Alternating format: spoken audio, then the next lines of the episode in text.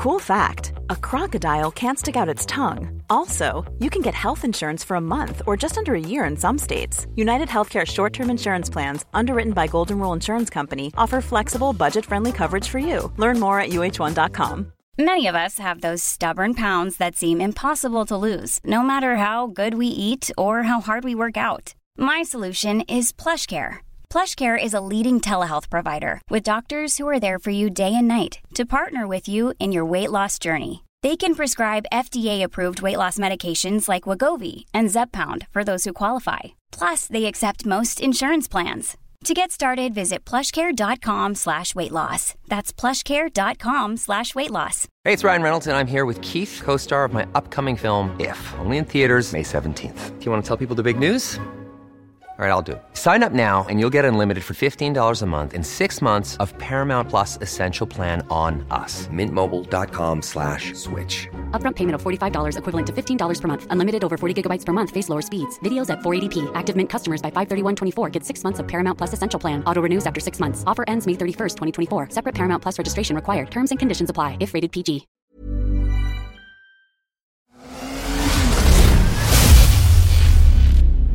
MC-podden. Du lyssnar på MC-podden. Jag heter Johan Ahlberg. Och jag heter Mikael Samuelsson.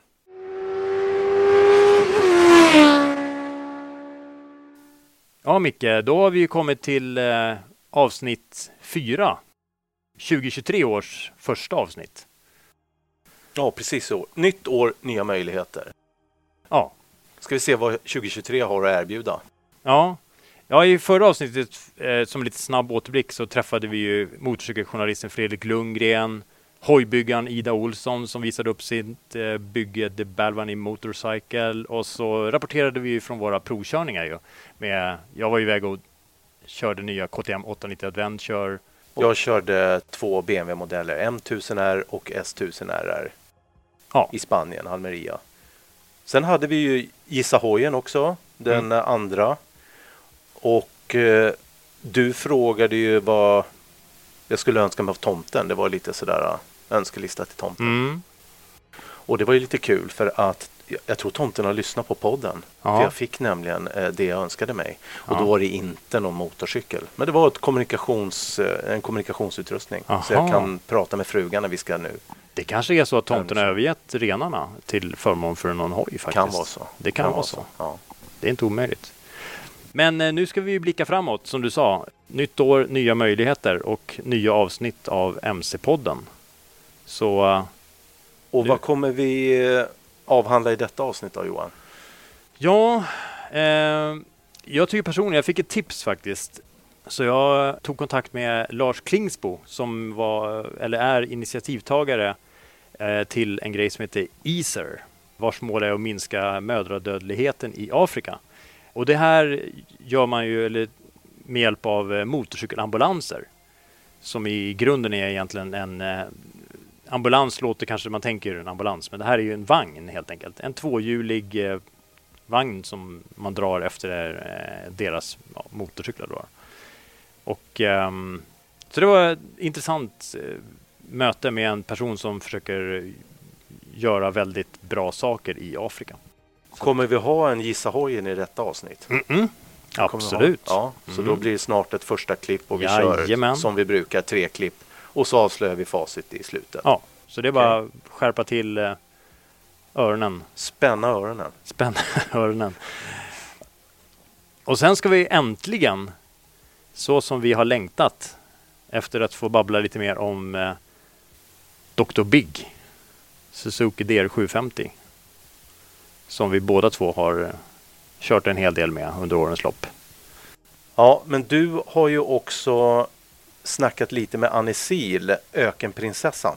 Mm. Jo, jag fick tag på henne i... Eh, hon är ju på plats i Saudiarabien, så precis inför start, på, ja, inför prologen eh, som körs då, då i årets Dakar-rally, där hon deltar för tionde gången i ordningen. Så jo, jag fick ett litet snack med henne och vi kommer att köra en längre intervju med henne i ett senare avsnitt av MC-podden. Men i, i det här avsnittet får vi lite, lite kortare snack med henne. Det är jättekul tycker jag.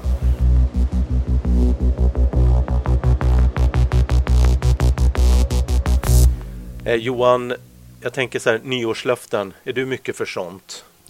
Om vi tänker MC-relaterat. Jag är ganska dålig på, jag har nog sällan, eh, så säger man, levt upp till dem. Liksom. Så Nej, det- men tänk MC-relaterat Ja. då. Ja, men då har Vad jag, har du för jag har en då? grej som faktiskt eh, vi kan tacka coronan för lite grann. Om man nu ska tacka coronan för någonting så är det ju att eh, jag har ju ändå rest mycket runt om, varit, i, på stora, alltså, varit runt på det här jordklotet ganska mycket och kört hoj. Men jag känner väl att i år så kan mitt nyårslöfte vara att jag ska hålla mig och utforska Sverige och Skandinavien mycket mer än vad jag gjort tidigare med motorcykel. För det är ju så fantastiskt. Sverige är ju ett av världens bästa länder att vara i på många sätt och vis och inte minst när det gäller att köra hoj. Det här med man kan slänga upp ett tält var som helst. Vi har allemansrätten och allting och så är det fantastiskt vackert och fint. Ja, det må hända att det regnar emellanåt och sådär men Nej, så det blir mer hojåka i Sverige och i liksom, ja, då menar jag hela Sverige. Man kan dra en riktig långbänk till helt andra änden av landet mot vad man själv bor i. Liksom. Så att, eller dra till Norge för den delen. Det är ju ett fantastiskt land att köra hoj i. Så att, ja. Eller Finland. Också väldigt mycket, mycket fina ställen, mycket sjöar. Det är lite bortglömt på något sätt. Man tänker alltid Norge när man bor i Sverige. Många gör det i alla fall. Men Finland är underskattat om du frågar mig. Det är väl, ett, tycker jag, ett bra nyårslöfte som jag lätt kan hålla också, känner jag. Bra, härligt. Ja, för min egen del så känner jag ju att med familj och med jobb och heltid och sådär så känns det som att jag måste lova mig själv att komma ut mer och köra motorcykel mer privat. Mm. Eh, så att det, det får jag väl eh, lova mig själv då. Mm. Att jag ska köra mer motorcykel. Nu ska inte jag säga vad du ska ha för nyårslöfte, men jag, jag ser framför mig ett bra, en bra grej skulle ju kunna vara att se till att din fru får MC-körkort. Det känns ju som en... Ja, Nu har ju du nämnt det då, så då blir det ju lite officiellt. så så då, då får jag väl haka på det. Nej men det vore, det vore kul. Och det gäller att hitta tid. Det gäller Mm. att hitta tid och sådär. Hoj och, och utrustning och kläder och sånt där, det har vi ju det mesta. Mm. Och som sagt en bra kommunikationsutrustning. Så nu får vi se. Eh, Okej, det, får, det får bli en, en grej också. Och sen får, vi väl, sen får vi väl lova alla lyssnare att vi levererar MC-podden under 2023 också. Mm. Vi håller det nyårslöftet att vi, vi levererar i, i den omfattning vi har gjort hittills. Ja, och vi ska lyssna på er lyssnare, vad ni önskar i, i podden. Ja, precis. Och sen fortsätta att bjuda in intressanta MC-profiler Mm. av alla de möjliga slag. Så Ja. det, det kan vi väl lova. Högt och lågt. Mm. Och eh, apropå det så har vi ju en, en eh, intressant person som vi tänker, ja, som jag tycker vi låter komma in här. Och det är ju Lars Klingsbo som eh, är ansvarig för de här Easer MC-ambulanserna. Så vad säger du? Ja, då kör vi. Vi lyssnar på Lars Klingsbo. Varsågoda.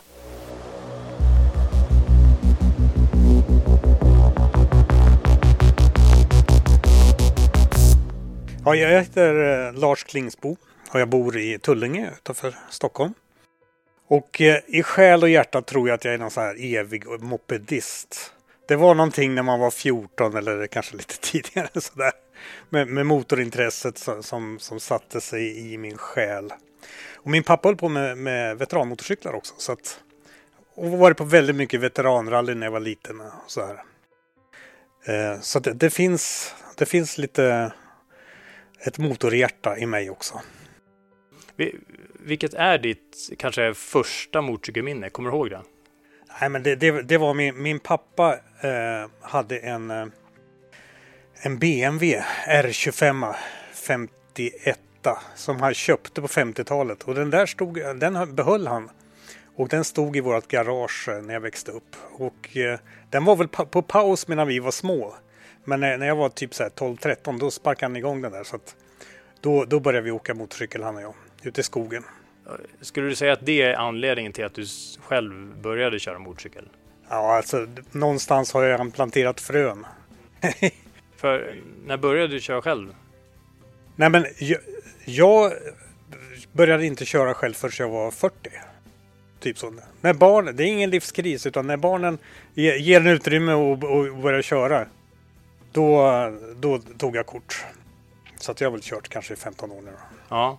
Va, vad skulle du säga, va, hur har den hojåkningen sett ut? Eh, liksom från början? Så här, vad, vad hamnade du i för typ av hojåkning eller vad man ska kalla det? Men alltså jag, egentligen så gillar jag ju 80-talare. Eh, och man hade ju, på, när man växte upp på 80-talet så hade man ju sina drömhojar och lite grann sådär. Så det var väl det jag började snegla på när jag började köra. Men eh, sen så jobbar jag med bistånd och jag, jag reser väldigt mycket. Och väldigt mycket i Afrika. Och eh, av någon anledning så halkar jag in på det här med att, att köra offroad eh, i Afrika. Då. Så då började jag med det hemma också. Ja, för jag vet, jag råkade ju höra en story här om just den biten, hur det egentligen började när du skulle möta några och du tog en hoj. Ja, det, det var så här att i mitt arbete så skulle jag eh, besöka ett projekt i södra Kenya som jobbar mot kvinnlig könsstympning.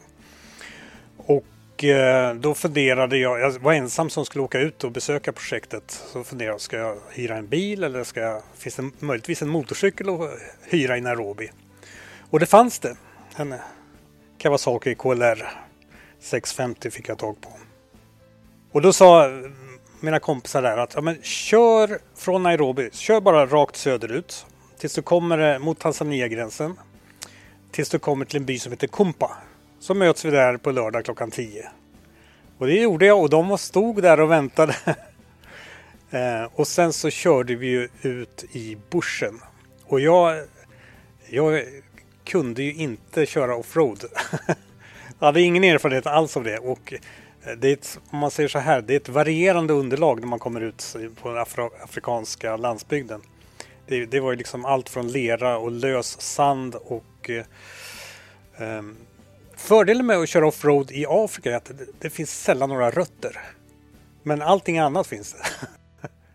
Men eh, vad, vad, skulle du säga um jag tänker på, om jag då tänker så här, ditt bästa motorcykelminne, det kanske rent av är i Afrika? Eller finns det här hemma i Sverige? Nej, men alltså det, det kan man nog inte säga. Det, det, är nog varje gång man är ute tror jag. Oavsett så är det alltid olika upplevelser. Och eh, jag gillar ju Sverige och jag gillar ju att sova i skogen. Så att jag har ju min hängmatta eh, och min motorcykel och sen så är jag okay. ute och kör. Pratar vi hängmatta och tarp typ? Eller ja, precis. Ja. Mm. För er som inte vet så tarp, alltså pressändning som ett litet enkelt, väldigt spartanskt tält kan vi kalla det. Ja, det är ett enmanstält mellan två, ja. mellan två träd. Ja. Så så gillar jag att resa i, mm. i, i, Sverige. Alltså. Ja. Inte det bästa myggskyddet ska vi... Jo då, det, jo då, det, det jag, jag, jag, har mygg, myggnät i mm. den. Och jag körde mm. Norrland två gånger i, i somras. Ja, det funkar. Jag överlevde. Härligt. Mm. Um, men hur skulle du säga att en perfekt motorcykeldag ser ut? Och vilken typ av motorcykel kör du? Nu har ju du redan avslöjat delar av det kanske redan. Ja, jag, nu, nu kör jag ju bara offroad-hojar. Eh, även om man drömmer om någonting riktigt gammalt och sådär och fint. Men, eh, men nu, nu är det offroad-hojar. Och eh, jag skulle säga att eh, väder, det spelar ju ingen roll. Det, det, det, är egentligen bara halka som är problemet. Att det är kallt och sådär, det, det, det, det, det fixar man ju. Regn, det, det, spelar ingen roll. Men är det halt, det, där någonstans går gränsen för mig att köra motorcykel. Alla andra dagar är bra hojdagar. Skulle jag säga. Men jag tänker på då när du var där och jobbade med, eh, med ditt, eh, vi kan kalla det ordinarie jobb. Så förstod jag det som att då upptäckte du en problematik där som sen ledde fram till att du drog igång det här som kallas för ja. Easer. Nej men att, att köra... Det, det, var så här, just i den här uh, upplevelsen som jag hade nere i södra Kenya då. När vi åkte runt några dagar och uh, besökte byar och fick höra berättelserna om de här tjejerna som var omskurna. Att det var så mycket komplikationer när de, när de, när de blev gravida. Att det, det, var så många som dog hemma för att man inte kom till, eh, till klinikerna i tid.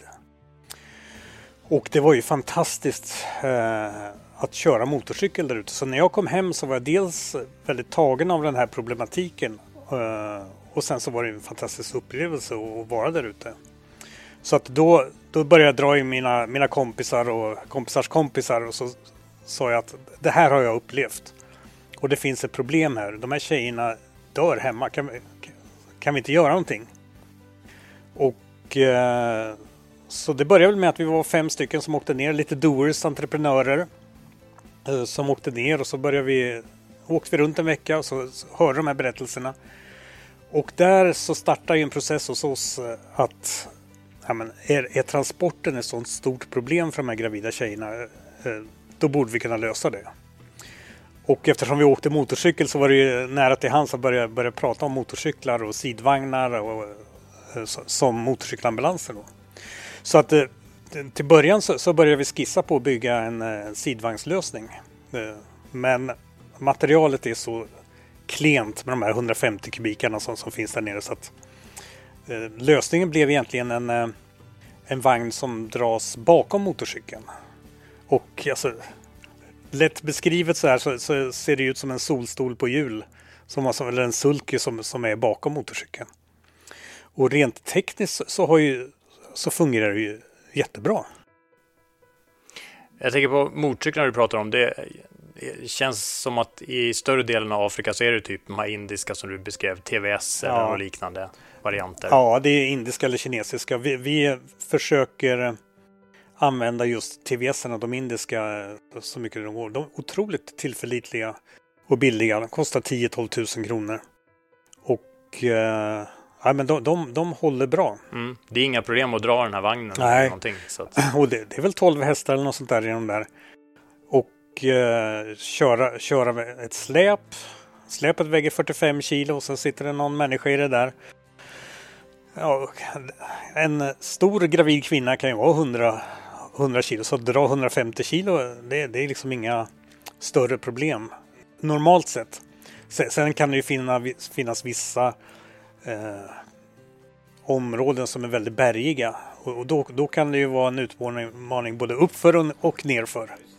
Men generellt sett så det, funkar det bra. Men jag tänker för lyssnarna, om vi skulle kunna beskriva den här vagnen lite ja. mer, så här, inte helt i detalj, men lite mer ingående. Du sa en, en rullande solstol. ja. Och det är väl precis som du säger lite grann så. Det finns ju ett litet tak på den, så ja. solskyddstak också. Det är lite tak och eh, jag tänker på fjädring och sådär, ja. att det är som en svingarm eller vad det. Ja, när vi, när vi började konstruera det här så tänkte vi, tänkte vi att vi måste utgå från lokala material, det som finns och dels var det ju de här motorcyklarna, TVS-erna. Ja, men då tar vi framhjulen från dem.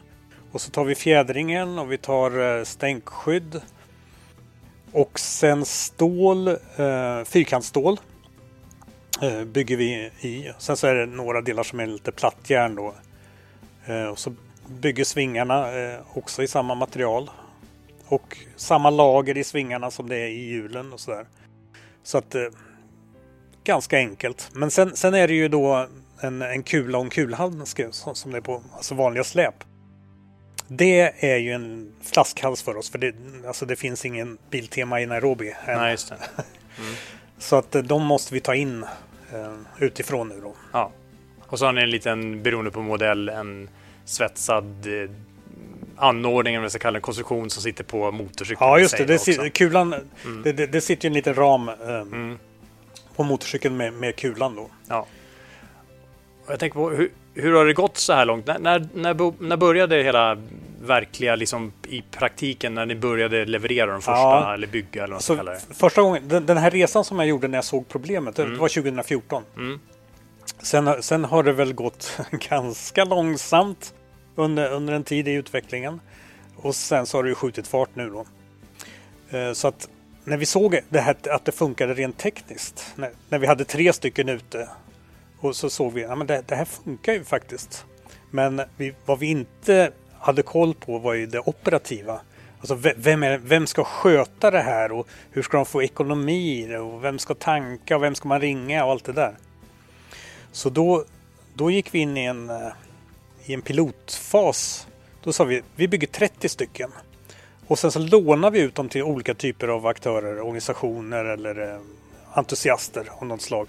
Och så får vi se vad som funkar. Så någon, någon gång under coronan så nådde vi de här 30.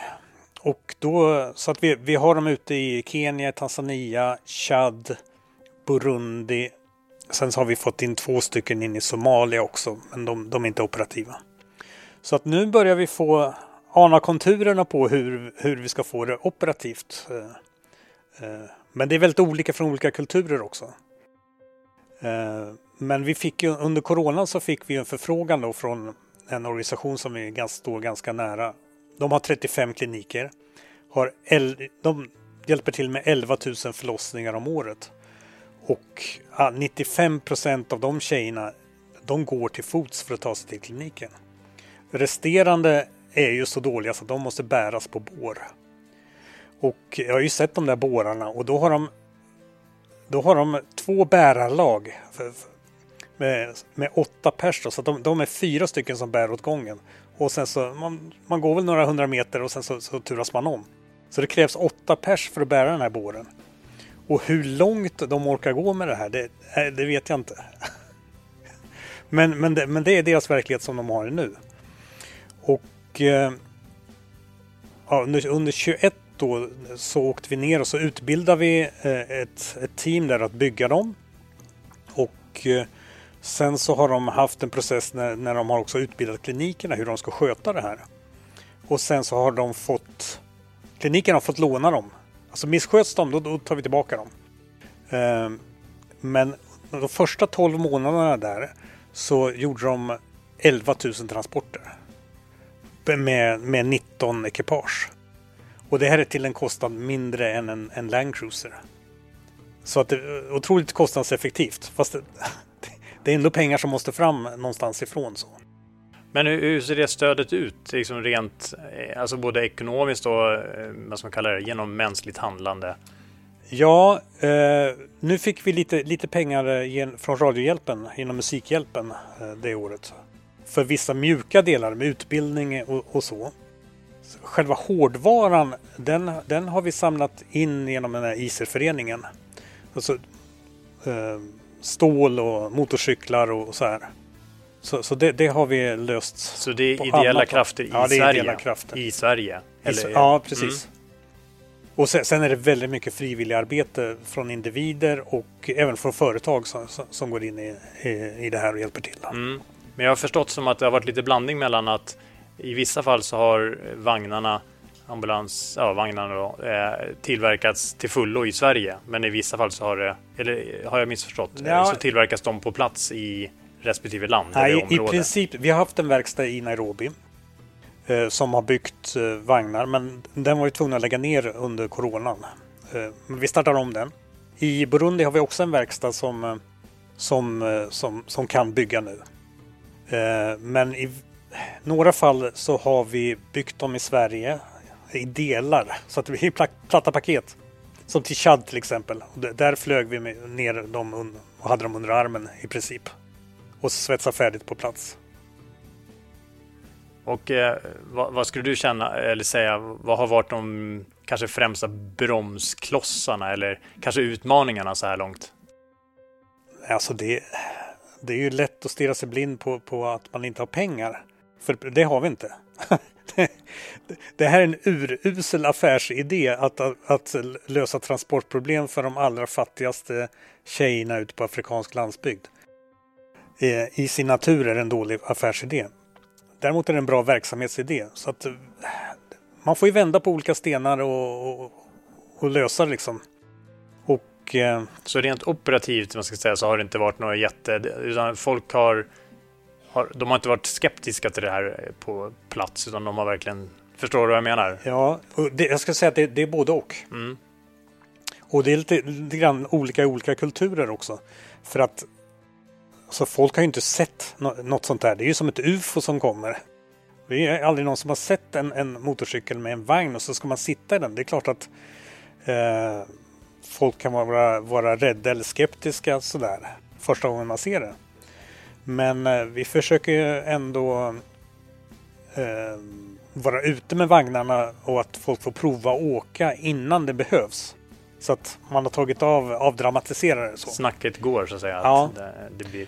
så, så i Burundi så, så, så, har det blivit accepterat, eh, absolut. Och eh, fördelen med Burundi är att man faktiskt vill föda på kliniken. Eh, bland massajer i Kenya, där traditionellt så föder man ju hemma. Och man åker inte till kliniken förrän det är någonting som, som är galet. Och då ringer man oftast för sent. Jag tänker på, om vi ska titta lite framåt, så här, hur, hur, ser närmaste framtiden ut för Iser? Ja, men vi, vi, vi eh, nästa, den, den, fasen som vi är inne i nu är ju att, vi, nu har vi sagt nu bygger vi 300 vagnar. Och fram till 2030 då ska det finnas eh, 3000 eh, operativa ekipage ute. Det är liksom... hur, hur, tänker ni i nära framtid att ni ska nå dit så här, rent krasst? Ja, i, i Burundi där, där, där det har gått så bra nu då så, så är det egentligen bara att skala upp. Så att vi har skickat ner en, en container nu med stål och tyg och, och så här för ytterligare 100 ekipage.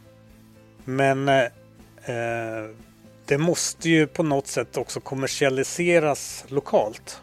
För att nu, nu är de så duktiga i den lokala organisationen så att de kan sälja till andra organisationer. Alltså till eh, FN-organisationer eller eh, Röda Korset eller, katolikerna. Så, här. Ehm, så på det sättet så tror vi att de kan få ekonomi i det lokalt. Att vi inte behöver stoppa in så mycket pengar i det utifrån. Hur, hur skulle man kunna säga, hur, de som lyssnar nu eller hur, hur, kan, hur kan vi vanliga, vi kan kalla det vi vanliga dödliga hojåkare här hemma i Sverige hjälpa till bäst? Ja, så, så, så, så, som vi har jobbat strategiskt är att vi, vi bygger socialt kapital först så kommer pengarna sen. Alltså, eh, vi, vi ordnar ju motorcykelresor ganska regelbundet, en eller två gånger om året till Kenya. Där vi tar med oss, bjuder med folk ut för att se hur det här funkar i praktiken. Och har man sett det här då, då finns det ju olika, typ, olika sätt att engagera sig sen. Antingen så kan man ju hjälpa till att utveckla produkten eller de här tjänsterna runt omkring som vi, som vi behöver. Eller också hittar man på någonting för att eh, dra in pengar till det. Mm. Men hur får man reda på mer om det här då? Vad ska man vända sig? Ja, lite, lite grann finns det på, på hemsidan, men, men jag kan säga att vi, vi är duktigare på att svetsa än, än att bygga hemsida. Ja. Så men om, det vi... om det finns någon av, av, av, era lyssnare här nu som, mm. som, som eh, vill engagera sig i att, att utveckla hemsidorna och det här digitala, så ja. välkommen! Ja, men det, i nuläget i alla fall så är det Easer med eezer.org. Om inte ja, jag exakt. Eller SE. Mm. Ja. Är det SE också? Ja. Okej. Okay. Så Erik, Erik, Z, Erik, Rudolf.se. Där kan ni gå in och läsa mer och jag vet att ni även har möjlighet att man kan swisha och man kan bidra ekonomiskt om man vill det. Men annars är det ju, har man kunskaper och sånt har jag förstått så behöver ni hjälp också med allt egentligen. Ja. ja. Så, um, men annars, har du någonting så här, du tänker att för att knyta ihop säcken som du skulle vilja Nej, men så, dela med jag, av? Jag tycker att det är fantastiskt eh, alltså, med den här hoj-communityn. Så när vi är ute eh, på, på event så här så, så finns det så många som vill hjälpa till. Det finns så mycket vilja och godhet i, i motorcykelcommunityn i att hjälpa till med det här. Eh, och, och, det där ger ju en otrolig energi såklart för oss. Eh, den här uppmuntran och att folk vill hjälpa till på olika sätt. Eh, ja, men, Lars, jag tackar dig för ja. att du delar med dig. Vad kul att få och, vara med. Eh, ja, tack så mycket.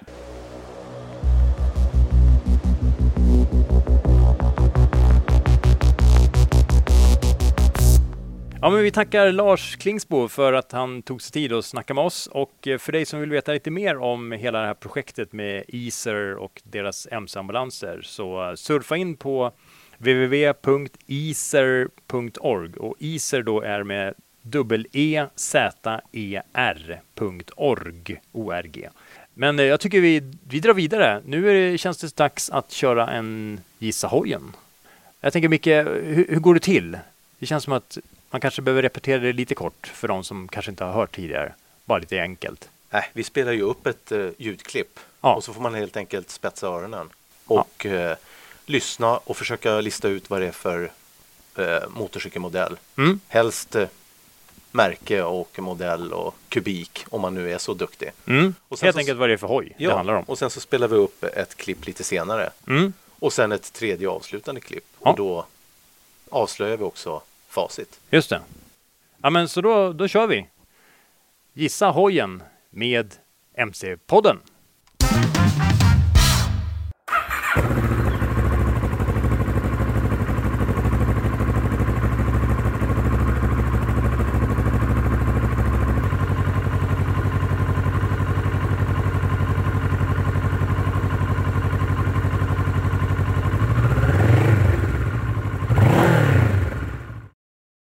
Det var första klippet i detta avsnitts Gissa-hojen.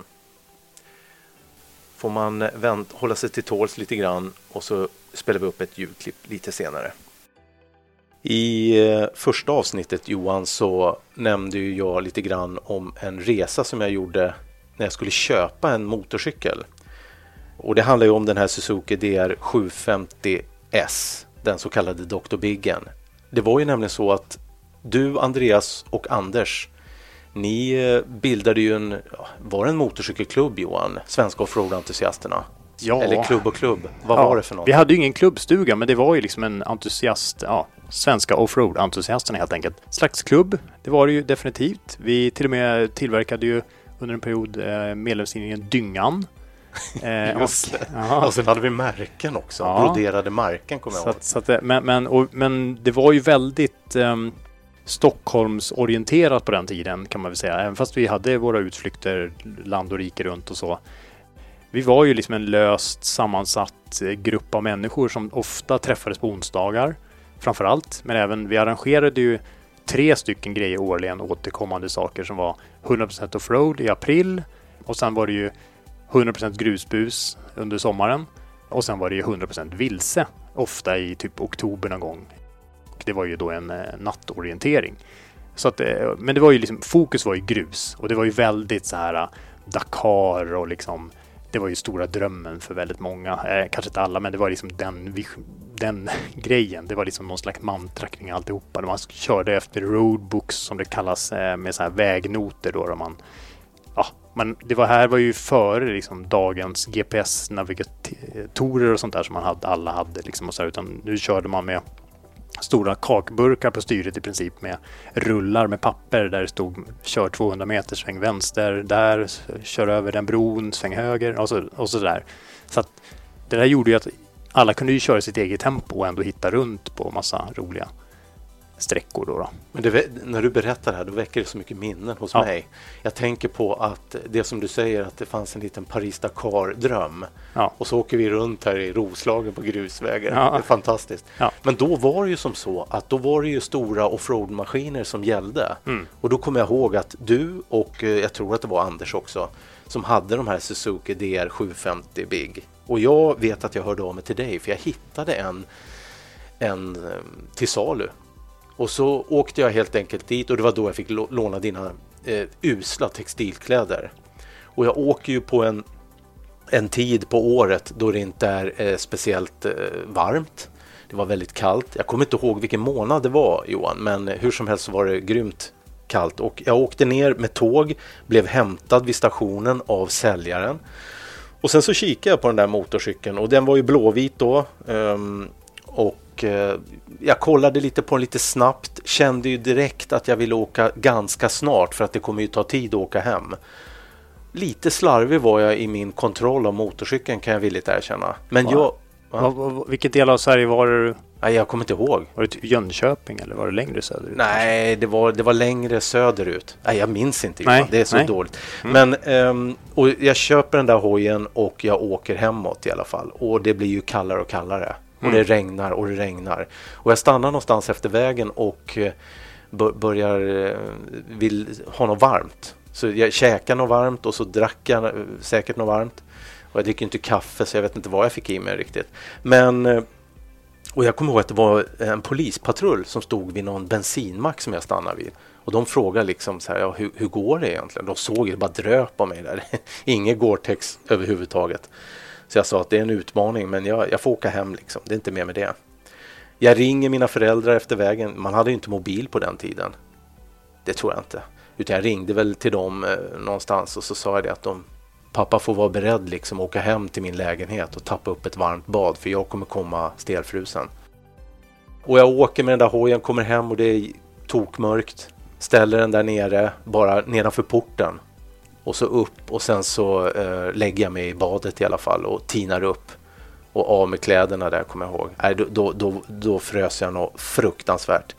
Det sjuka i den här historien det är ju det att jag tyckte att hojen svajade väldigt mycket på motorvägen när jag åkte.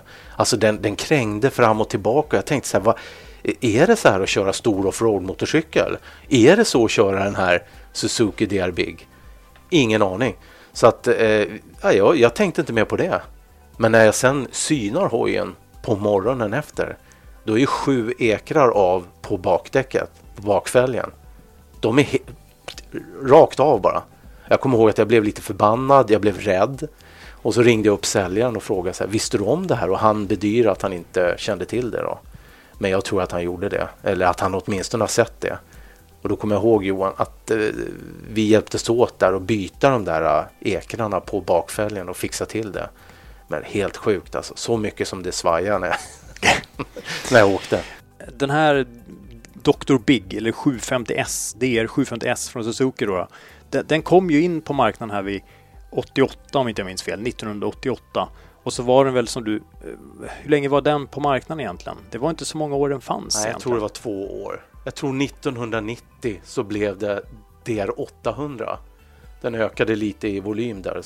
Mm. Men det mest fascinerande med den hojen, DR750, Mm. det var att den hade 29 liters tank. Ja. Det var ju eh, ascoolt. För när vi pratar Paris-Dakar, Mm. då vill man ju ha helst en stor tank, man vill ha extra tankar. Mm. Jag vet Johan att du diskuterade på din att du ville ha bak, du ville ha extra tankar Mm. bak. Mm. Vilket jag också hade sen. Du hade det va? Ja. Med någon koppling däremellan. För Ja. den här dubbla tanken fram, Mm. den som var standard, Mm. den hade ju dubbla tanklock Mm. med någon liten eh, överföring däremellan. Så när man tankade den där hojen, då var det så coolt för då hade man två tanklock. Mm. Så tankar man i den ena och flyttar man över och tankar i den andra. Ja. 29 liters tank på en hoj från 88. Ja, det är och, coolt. och då liksom snackar vi ju, i och med att den här um, stora då, den var ju eh, 727 kubik encylindrig.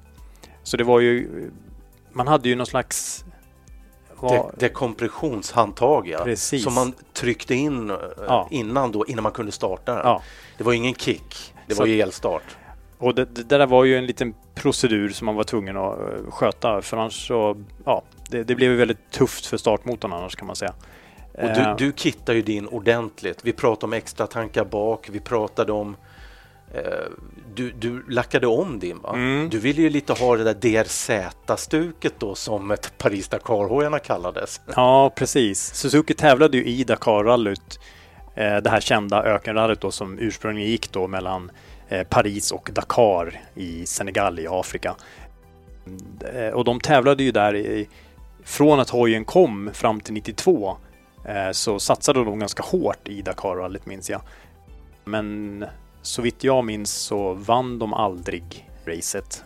Men hur som helst, det där gjorde ju i alla fall. Jag var ju lite Suzuki intresserad på den tiden att det var ju DR-hojarna som var liksom de hojarna man skulle ha liksom för att smiska fram på grusvägarna.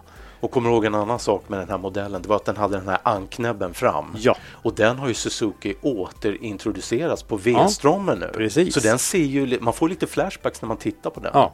För då har den där anknäbben Mm. och sen skärmen under, framskärmen under. Jag kommer också ihåg att det var så här vissa grejer som man tyckte var så häftigt på den här DR-biggen. Det var ju, jag kommer ihåg den hade ju dubbla tändstift. Och det var också så här, man tyckte det var lite high tech liksom. Det var liksom, det var ganska tidigt ute. Det var inte alla som hade kommit på den där tekniken med, med det. Och jag kommer också ihåg att den var ju väldigt sådär... Ja, det var ju inte en hoj som man ville köra på för låga varvtal med. Ner liksom och plåga ner på, för då kunde den ju få ganska abrupta stopp. Liksom, Ja, ja, och så var den ju den var rätt hög också. Man Mm. satt där med liksom det, det, man vill gärna få ner fötterna i tid om man är ute i, i, i terrängen och kör. Mm. Men det var ändå rätt smidig att hantera när den väl eh, var på rull. Om Ja. man hade gas. Jag vet ju att eh, när 800 kom sen, DR800S, som kom då 90, då, då liksom, det var ju mer eller mindre liksom en kopia av föregångaren så att säga, förutom motorn då. då. Men också att man, man sänkte ju sen sadelhöjden, vilket var en ganska stor grej, från 890 millimeter till 876 millimeter. Just på grund av det här att ja, många hade ju hört av sig antagligen då och återkopplat att de tyckte att det var lite väl höga, eh, hög sadelhöjd på den. Säkert var det så. Sen Ja. tror jag man frångick 29 liters tanken och dubbla tanklock. Mm, den, blev, den blev väl säkert, eh, ja, jag vet inte, 24-25 liter Mm, någonting. Precis. Så att den vart ju inte lika häftig på det sättet. Ja, Jag har sett några sådana där till salu när man har haft bevakning på Blocket. ja. Det jag tycker är lite kul ändå, det var att när den då blev 800 från 750 då, som egentligen i verkligheten var 727 till 779 kubik, så var ändå skillnaden bara två hästkrafter. Så det, det tycker jag är lite intressant egentligen. Ja, ja. Med, om man tänker på dåtidens kontra nu, hur mycket mer man hade kunnat fått ur de här maskinerna. Då, då.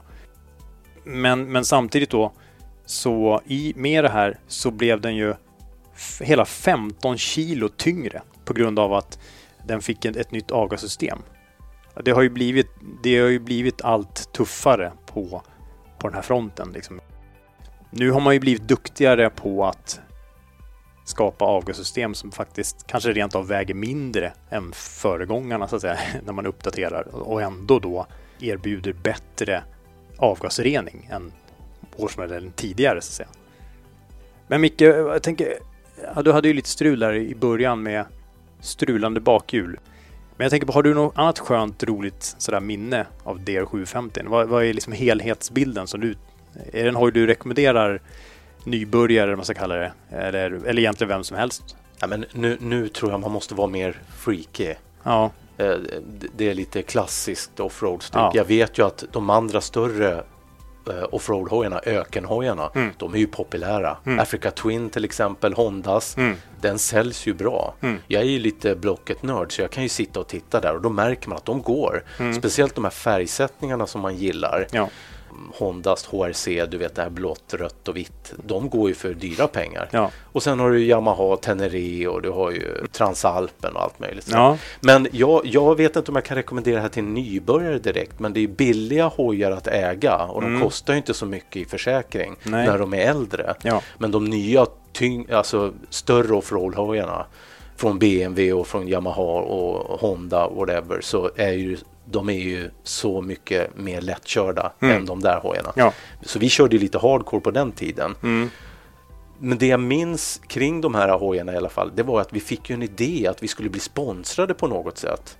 Det var ju det som var lite, eh, lite crazy från vår sida. Mm. Vi tänkte ju så att vi gör något häftigt av det där och jag kommer ihåg att vi, vi pratade nu tänker du på att vi, hade, vi var tre stycken kompisar som hade mer eller mindre identiska hojar. Ja, Mm. och då fick vi för oss, jag vet inte vem som kläckte den idén, men att vi skulle få någon typ av sponsring. Och jag tror att det var undertecknad här eh, som ringde till Prips till, och bad att få prata med reklamavdelningen och frågade så här, kan inte ni göra någonting eh, åt oss att ni kan bekosta en lack och dekaler så att vi kan få en Coca-Cola, en Fanta och en Sprite-hoj eller något. Helt sjukt. Och han, han frågade så här, jaha, jaha vad, vad tänker ni då? Ja, men vi syns ju ute i, i trafiken och på events etc. Så här, mycket klubbträffar och sånt. Ja, men vad får vi ut av det? sa han. Så här. Glöm det, sa han. Så, Nej, okej, tack. Och så lägger man på liksom. Ändå, det Ja. var slut på den storyn. Ja. Ja. Nej, men det, vi har väl mycket roliga minnen ehm, från den hojen, det måste man väl säga. Men det har ju hänt extremt mycket. Det här var ju ändå en, vi kan kalla en rå offroad-hoj utan någon som helst hjälp. Alltså då tänker jag på tekniska förarhjälpmedel i form av ABS och antispinn och Nej, det fanns, Ja, allt. fanns ju inget sånt. Det var bara att köra, det var bara att gasa Ja. och bromsa. eh, Och bromsa så gott det gick. ja, Bromsarna var väl inte av den bästa kvaliteten, alltså om man jämför med nu.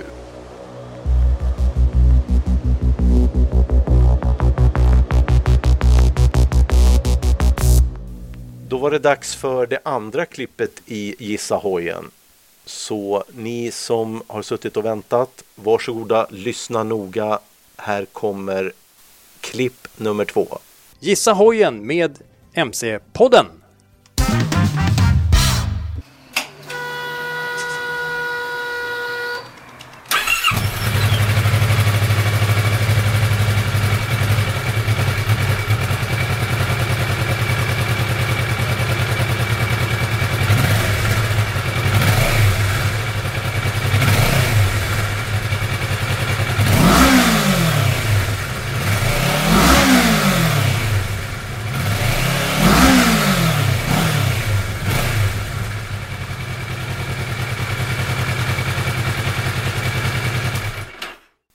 Ja, och där hörde vi ju andra ljudklippet i Gissa hojen. Och, eh, Då kan jag fråga dig så här Johan. ja, Vet du vad det är för hoj? ja. Det är en väldigt, eh, utan att avslöja för mycket, det är en väldigt populär motorcykel skulle jag våga Ja. påstå. Ska vi ge någon mer ledtråd så här efter andra klippet? För sen efter tredje så avslöjar vi. Ja. Vad kan du säga mer? Mer en populär motorcykel? Mm. Vad, vad tänker du? Det är en väldigt populär motorcykel som för såväl nybörjare kan vi väl kalla dem eh, till, till mer erfarna motorcykelförare. En, eh, vi kan också avslöja att det faktiskt eh, Nej, vi får nog inte avslöja så mycket mer där kanske kommer jag på nu. Är det en äldre eller en nyare hoj? Det är lite modernare hoj skulle jag vilja säga. Okej. Ja. Det är, vi pratar 2000-tal. Mm. Eh, vi kanske rent av pratar 2010 och framåt. Någonstans så. Okej. Ja. Inget mer än så? Nej. Nej. Finns både som naken och påklädd modell. Nu eh, tycker jag det är dags för lite Anisil. Nu vill jag höra Johan hur eh, det gick och snacka lite med henne inför Dakar-rallyt. Mm, spännande. Nu blir det Anesil direkt från eh, Saudiarabien.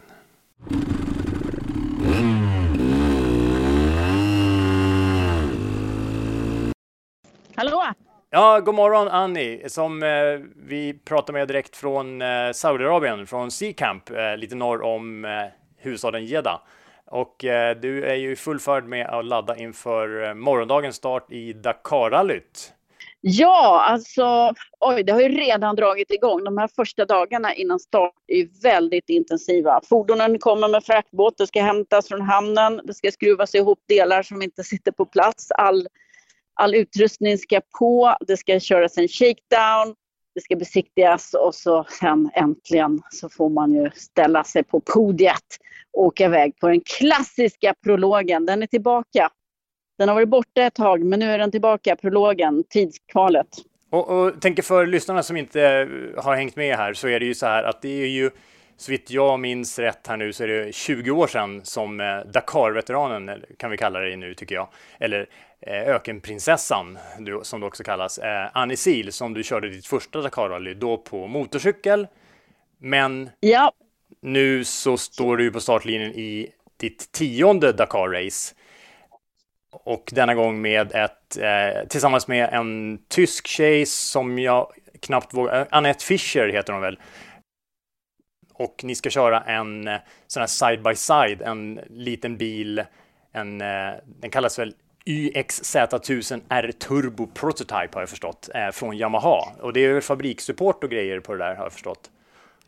ja, det här är ju ett samarbete mellan eh, det tunga teamet X-Raid som även eh, bygger X-Raid minibilarna och även med utvecklingen av Audis nya EQ-tron rallybilen här. Så att de gör ett samarbete med Yamaha och då har man byggt, och det är nästan så jag inte vill kalla det för en bil. Nej, precis. Visst, den har fyra hjul, men det är som två motorcyklar i en. Alltså, den har en helt annan karaktär än en bil. Och den är ju öppen också. Ja, Så att den är inte, det är inte liksom en helstängd kaross. Så att, eh, det här är liksom mittemellan motorcykel och bil skulle jag vilja säga. Ja, och du har ju ändå genomfört eh, Dakarrallyt fem gånger på motorcykel, vilket är en bragd i sig. Och eh, eh, kommer inte ihåg, var det 2010 kanske som du vann damklassen i Dakarrallyt? Ja, precis. Och- Ja, det var mitt bästa Dakarrally trots allt som hände då. Ja, Med ramla ner i ett gruvschakt och sånt där. Så, Ja. ja. jag minns Mm, det hände eh, grejer. helikopterlyft och grejer och allt vad det hette. Ehm, men eh, jag tänker, eh, och du är ju den enda svenska förare, både manliga och kvinnliga, Eh, eller manlig eller kvinnlig förare som har genomfört det både på motorcykel och bil. Va, vad skulle du säga, vad är de stora skillnaderna? Liksom, vad är den största eh, jag menar, vad är, vad är den absolut största skillnaden eh, mellan bil och MC att genomföra som förare? grund, grundläggande för mig, motorcyklarna, det är de riktiga hårdingarna, det är de riktiga hjältarna, det är det riktiga Dakar. Mm. Det, är- det är så, det är det hårdaste sättet att köra. Eh, dels utsätter du dig själv för oerhört mycket mer fysisk påfrestning och risk och blåmärken. eh, sen, eh, och det var ju där Dakar började. sen nu när jag åker bil, det är ju mycket mer komplicerat ska jag säga. Bilarna är ju mer komplicerade och känsliga, du måste ta mycket mer hänsyn. Eh, samtidigt så är det ju lättare för att du blir inte lika sliten själv och så är man två stycken. Så när en är trött kan den andra hålla ångan uppe på något sätt.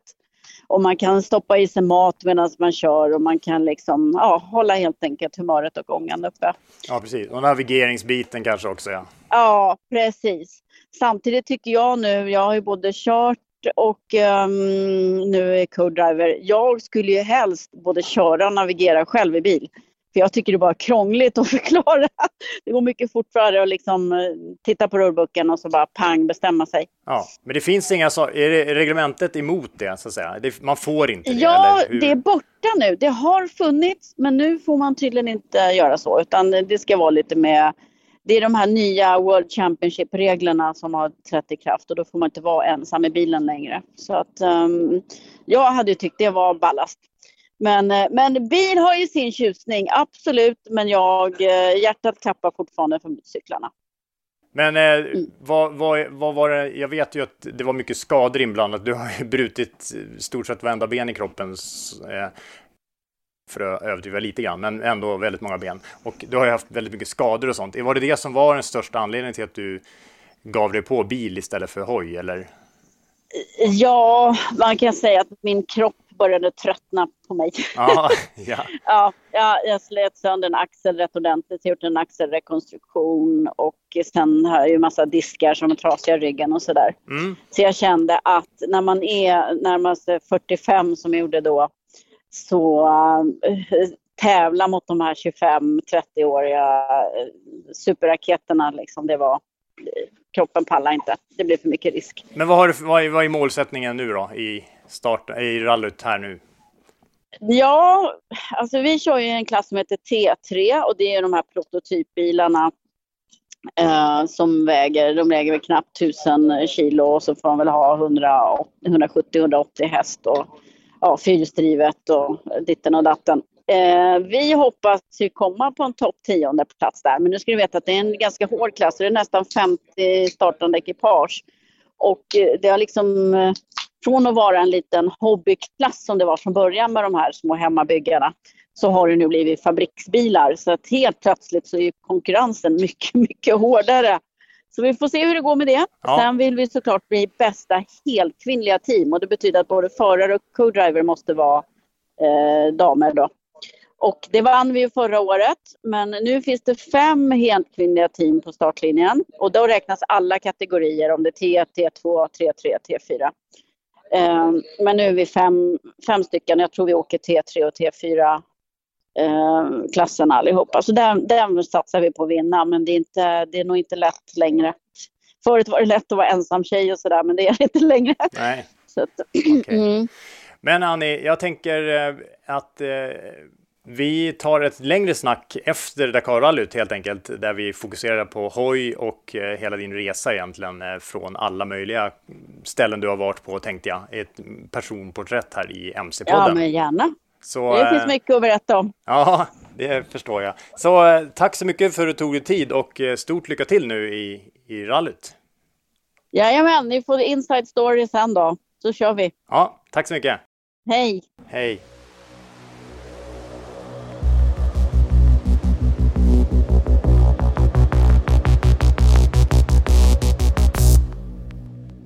Ja, och när det här eh, avsnittet spelas in så eh, är ju rallyt på gång här precis. Så att eh, vi håller tummarna helt enkelt och eh, eh, ser fram emot att snacka lite mer med Annie i ett kommande avsnitt av MC-podden. Nej, men då Micke tycker jag det är dags att köra tredje ljudklippet i Gissa hojen. Varsågod Johan, tryck igång. Gissa hojen med MC-podden.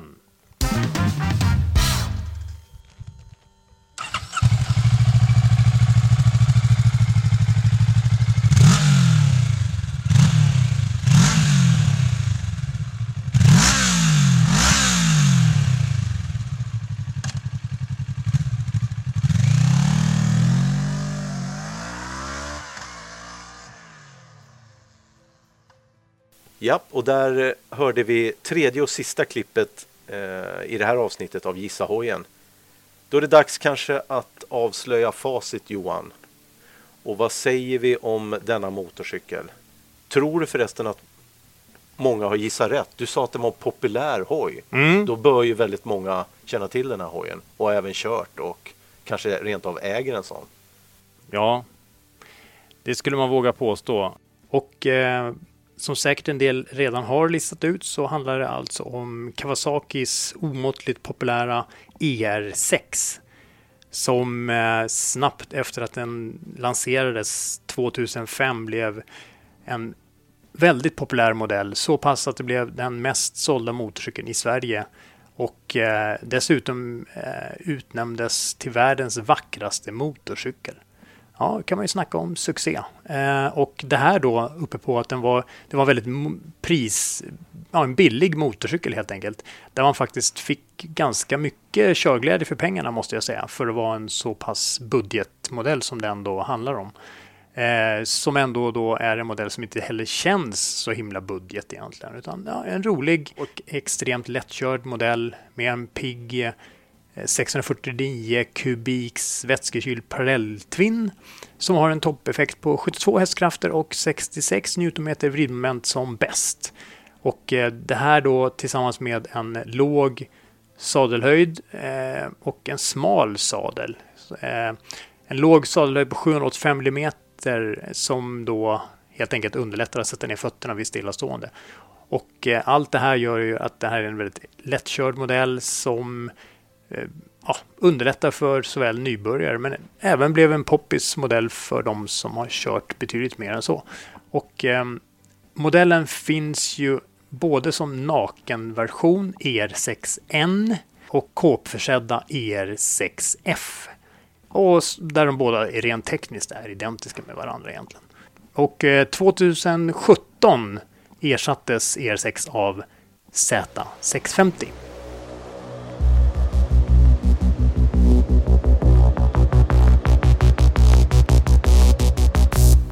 Då börjar vi närma oss slutet av avsnitt fyra då och vi vill påminna alla lyssnare att det går bra att mejla feedback och önskemål till redax.mcpodden.se redax.mcpodden.se Ja. Vad mer Johan har vi som kommunikationsvägar till oss? Ja, man kan ju, kan ju tipsa om att följa oss på Instagram för den som har tillgång till det. Finns vi där på MC-podden och eh, förutom att eh, se på lite bilder och sånt från ja, vad som kommer hända här framöver här så kan man ju även den vägen kommunicera med oss. Eh, kommentera, önska saker som du vill höra om, mer om i podden. Och det finns även eh, MC-podden finns även på Facebook. Så att, eh, den har vi precis startat igång. Så hoppa in där och gilla och följ så kommer du få eh, lite mer om MC-podden den vägen helt enkelt. Och återigen, hör av er vi lyssnar gärna på er och eh, tycker det känns jättekul att få bidra med saker som ni verkligen vill höra. Ja, och med de orden Johan så tackar vi väl för oss för idag. Ja. Mm. Och på återseende i nästa avsnitt. Ja. Tack Micke. Tack Johan. Tack alla lyssnare. Hej då. Hej då.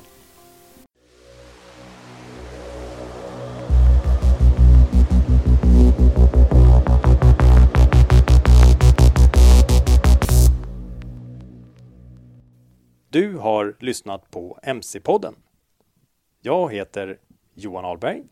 Och jag heter Mikael Samuelsson.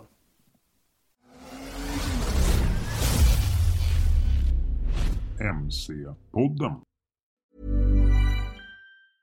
Hey, it's Paige DeSorbo from Giggly Squad. High quality fashion without the price tag. Say hello to Quince. I'm snagging high-end essentials like cozy cashmere sweaters, sleek leather jackets, fine jewelry, and so much more. With Quince being 50 to 80% less than similar brands. And they partner with factories that prioritize safe, ethical, and responsible manufacturing. I love that. Luxury quality within reach. Go to quince.com slash style to get free shipping and 365-day returns on your next order. quince.com slash style. Mom deserves the best, and there's no better place to shop for Mother's Day than Whole Foods Market. They're your destination for unbeatable savings, from premium gifts to show-stopping flowers and irresistible desserts. Start by saving 33% with Prime on all body care and candles. Then get a 15-stem bunch of tulips for just $9.99 each with Prime. Round out Mom's menu with festive rosé, irresistible berry chantilly cake, and more special treats. Come celebrate Mother's Day at Whole Foods Market. Imagine the softest sheets you've ever felt. Now imagine them getting even softer over time. That's what you'll feel with Bowl and Branch's organic cotton sheets. In a recent customer survey, 96% replied that Bowl and Branch sheets get softer with every wash. Start getting your best night's sleep in these sheets that get softer and softer for years to come. Try their sheets with a 30-night guarantee. Plus, get 15% off your first order at bowlandbranch.com. Code BUTTERY. Exclusions apply. See site for details.